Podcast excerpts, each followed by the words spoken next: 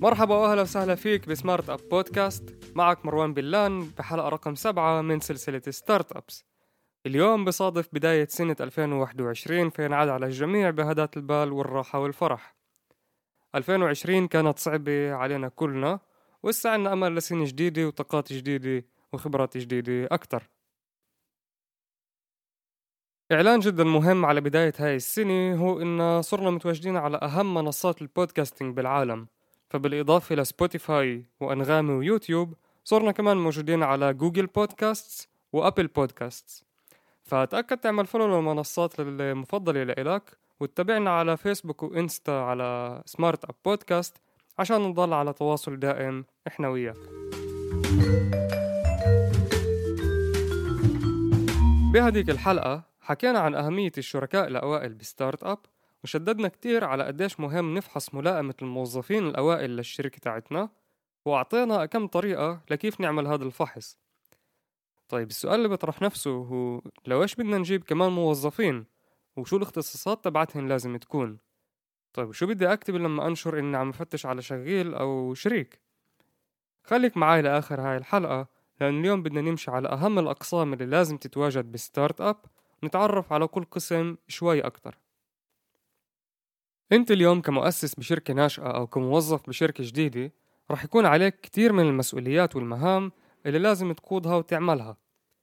كتير شركاء أو موظفين بضيعوا وقتهن على شغلات اللي هي مش بأول سلم الأولويات تبعهن وهذا الإشي بخليهن ينجزوا أقل شغلات بالوقت المحدود اللي معهن.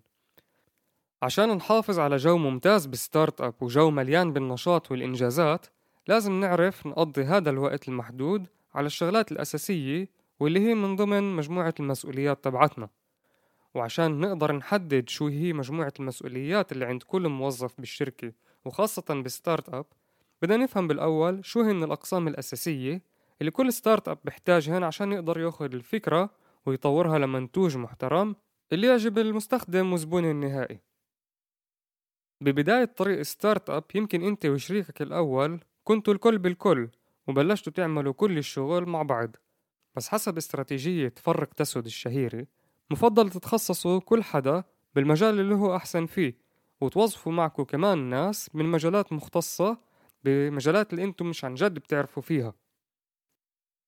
قبل ما نفوت أكتر بموضوع الحلقة بحب أذكرك إنه بالحلقة الثانية من سلسلة الشركات الكبيرة نزار حكى عن الوظائف الإدارية الموجودة بالشركات الكبيرة من مدير تنفيذي أو مدير مالية وغيرها.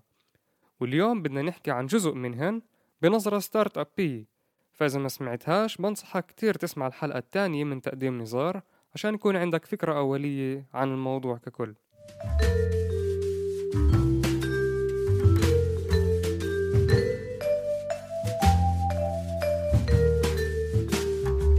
القسم الأول معنا هو قسم التنفيذ أو العمليات. عادة المؤسسين الأوائل بيكونوا بهذا القسم واللي هن عندهن الرؤية الكبيرة تاعة المشروع أو startup ككل. فهن مسؤولين عن تحديد شو هن المهام أو الشغلات اللي بدنا نتقدم فيهن وبأي سرعة ومسؤوليتهن يوزعوا هاي المهام للأقسام التانية.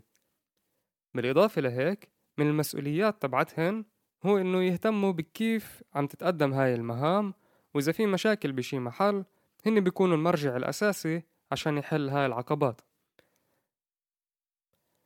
إذا فكرت إنه كتير حلو تكون مسؤول بهذا القسم على أساس بتوزع مهام على غيرك بنصحك تعيد التفكير لأنك كمسؤول بهذا القسم كمان لازم تعمل كتير شغلات اللي بتمقت مثل إنك تسجل الشركة بالدولة كشركة معترف فيها تهتم بحسابات الشركة وكل ما يتعلق بالمصاريف بما في ذلك دفع ضرائب معاشات للشغيلة تهتم ب إيه، إنه قاعدين ب environment اللي هو منيح وبشجع الشغل. وكمان توظف ناس ملائمة للأقسام اللي بحاجة لدعم. والأهم من هاد كله أنت مجبور تخلي على وجهك ضحكة لطيفة تجاه كل الشغيلة بالشركة كل المستثمرين وتحافظ على مستوى نشاط وحماس عاليين كتير عشان تشجع باقي الأقسام تضلها تنتج حتى بالأوقات الصعبة. القسم الثاني معنا لليوم هو قسم التسويق والإعلام. مش مهم شو نوع startup تبعك ومن أي مجال عم بيجي ومش مهم قديش المشكلة اللي عم تحلها كبيرة ومهمة والمنتوج اللي عم تعمله ممتاز. ما حداش راح يعرفك إلا إذا بتحكي لهن مين أنت وبتفرض حالك عليهن. لهذا السبب بالذات قسم التسويق والإعلام وظيفته يبني استراتيجية إعلامية اللي فيها يوصل صوتك للعالم أو تنكون شوي دقيقين أكتر عشان يوصل صوتك للناس اللي أنت بدك توصلها. قسم التسويق والإعلام بيستعمل كل القوة التكنولوجية الموجودة اليوم وكل المنصات الممكنة مثل شبكات التواصل الاجتماعي أو بناء مواقع إلكترونية اللي فيهن بنشر معلومات أساسية عن الشركة. وكمان بيستعمل المنصات التقليدية للتشبيك مثل المشاركة بمؤتمرات كبيرة اللي من وراها ممكن نتعرف على كمان ناس بالمجال تبعنا ونتواصل مع جمهور هدف أكبر. يمكن إنك بلشت تعمل هاي الخطوات مثل إنك تبني صفحة فيسبوك لستارت أب أو تبني موقع أساسي اللي فيه تقدر تتواصل شوي مع الجمهور. بس مفضل يكون في خبير بالمجال اللي بفهم وملاحق كل التطورات الإعلامية وعنده معارف منيح بالمجال وبيعرف كل الألعاب اللي مستعملة اليوم بهذا المجال. إذا مرة كان الإعلام يصير عن طريق جرايد فاليوم صار على صفحات الإنستغرام. وإذا اليوم إنستغرام بفرجي نوع معين من المعلومات لنوع معين من الناس بكرة ممكن يغيروا استراتيجية تبعتهن وتخرب كل حملتك الإعلامية. إذا ما فيش حدا مراقب شو عم بيصير عن كثب وعم بغير الحملة تبعتك بناء على التغييرات اللي بيعملوها هاي الشركات وهاي المنصات. فالهدف الأساسي لقسم التسويق هو إنه يبني لك ماركة قوية جدا ونظيفة ويوصل الشركة مع جمهور الهدف. طيب بعد ما صار اللقاء الأول هاد بين الزبون وبين الشركة تبعتنا كيف بدنا نكمل هاي المهمة؟ شو شو ال next step تبعنا بهاي المرحلة؟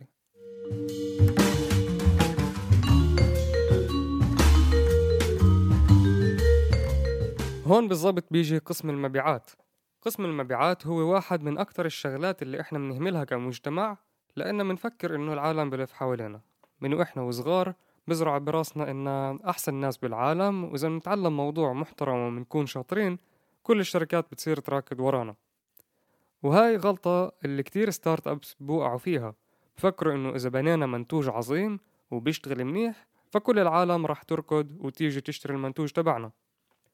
بس بدون قسم المبيعات ولا شركة بتعيش لأنه قسم المبيعات هو اللي بآخر اليوم بجيب المصاري للشركة لأنه هو بسكر ال deal بين الزبون وبين الشركة تبعنا. فهو باخد كأنه المصاري من الزبون بوصلها للشركة. هذا القسم براكد من محل لمحل وبحاول يفهم الزبون كتير منيح عشان يوصله لمحل اللي الزبون بالفعل يروح يشتري.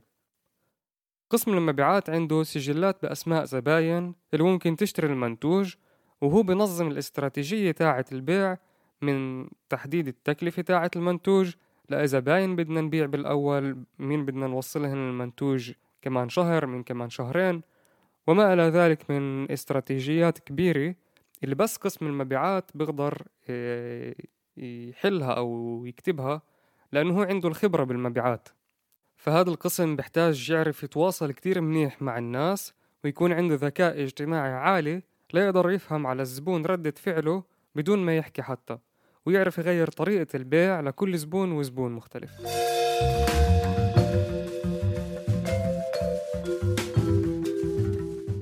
القسم الرابع اللي راح نحكي عنه اليوم هو قسم هندسة المنتوج أو قسم تطوير المنتوج. قسم هندسة المنتوج هو القسم اللي باخد الفكرة أو الحلم اللي عند المؤسس أو عند قسم التنفيذ وبحوله لحقيقة بحوله لواقع ملموس. هذا يمكن أكتر قسم اللي مفهوم ليه لازم يكون. عادة بيكون مبني من ناس مختصة بالمجال اللي startup جاي يحله لأنه هو اللي لازم يطبق الفكرة. مثلا إذا المبادر عنده فكرة بمجال الطب فضروري يكون في طبيب بهذا القسم اللي يبحث كيف بينفع يتطبق هذا الحلم ويحدد شو هي الخطوات اللي بنحتاجها عشان نوصل لمنتوج أولي وشو هي الخطوات اللي بنحتاجها عشان ننتقل من منتوج أولي لمنتوج متقدم أكتر. القسم الأخير بحلقتنا لليوم هو واحد من أكتر الأقسام اللي بنتجاهلها بالستارت أب ومنجيبش سيرتها وحتى منهتمش إنها تكون موجودة أصلا. هذا القسم هو قسم الكتابة أو قسم التحرير. نعم نعم سمعت صح. قسم الكتابة وقسم التحرير. وعندي لك سببين ليش هذا الإشي مهم أو ثلاث أسباب. أولا هذا القسم مهم يعمل تنقيح لكل كلمة إحنا بنكتبها بال startup عشان يطلع منا كتابة بمستوى عالي وملائم للناس اللي راح تقرأ هذا النص. بين إذا كان شرح عن الشركة أو عن كيفية استخدام المنتوج إذا عم نكتب أوراق وإيميلات رسمية وكمان حملات إعلانية. السبب الثاني هو أهمية إنه startup الكتابات اللي بيعملها تكون موحدة بكل الجهات اللي عم تطلع. فكمان بقسم المبيعات يكون في كتابة اللي مشابهة للكتابات اللي موجودة بقسم الإعلام. فتخيل مثلا قسم الإعلام عم بيعمل حملة آه، إعلامية واللي فيها عم بيكتب بالعامية بس بالآخر قسم المبيعات عم بيروح بيحكي بالفصحى مع مع الزباين. فهون بيلتخم الزبون لأنه فيش فيش لغة موحدة للشركة قدام العالم. النقطة الثالثة هي إنه بعالمنا اليوم صار في كتير منصات وكتير محتوى موجود بالعالم. بين إذا كان في ناس اللي بتصور فيديوهات ناس تكتب مقالات خاصة أو ناس تعمل بودكاست مجرد لأنه هي بتحب تعمل هذا الإشي. من كثرة المحتوى الموجود بالعالم صار في منافسة كتير كبيرة على الكلمات اللي بيستعملوها بقلب هاي المقالات أو بقلب هاي الكتابات والمحتوى. فمثلا إذا جربت تعمل دعاية على جوجل مرة بحياتك فالإشي اللي أنت بتعمله إنك بتشتري كلمات معينة ومصطلحات معينة لفترة آه، محددة عشان تبين دعايتك بالأول لما حدا يفتش على هيك نوع مصطلح. وكمان دور بشكل طبيعي بالبداية ممكن إنك أنت تكون عم تكتب كل كتابة ب startup زي كيف أنت ممكن تعمل إياتا قسم من باقي الأقسام اللي حكيناها قبل. بس لما تبدأ تظهر للعالم أكتر وتصير الشركة عم تكبر شوي شوي أكتر وأكتر بفضل تعطي حدا مختص يعمل هذا الشغل لأنك مش راح يكون عندك كفاية وقت أول إشي. تاني إشي مش راح يكون عندك تخصص بهذا المجال اللي تعرف شو الأسلحة اللي بيستعملوها. فتحية لكل كاتب وكاتبة معنا اليوم بتأمل يعني فتحنا لك مجال جديد اللي تظهر إبداعاتك و... وقدرتك على التعبير بمحلات اللي هي يمكن مش عن جد فكرت فيها. إذا بدك تقرأ أكتر عن هذا الموضوع بنصحك تبحث بجوجل عن كيف تعمل مصاري من إنك تكون كاتب ب startup. طيب هيك بنكون وصلنا لنهاية حلقتنا لليوم. بتأمل تكون استفدت واستمتعت وصار عندك فكرة أكبر عن العمدان الأساسية ل startup ناجح. إذا عندك أياتها تعليقات أو أسئلة بتلاقينا على فيسبوك وإنستغرام تحت اسم سمارت أب بودكاست. تأكد تعمل follow لكل منصات البودكاست اللي بتحبها من أنغامي سبوتيفاي يوتيوب جوجل بودكاست وأبل بودكاست. بتمنى لك سنة جميلة جدا جدا عليك وعلى كل أحبابك. وحلقتنا الجاي الأسبوع الجاي. سلامات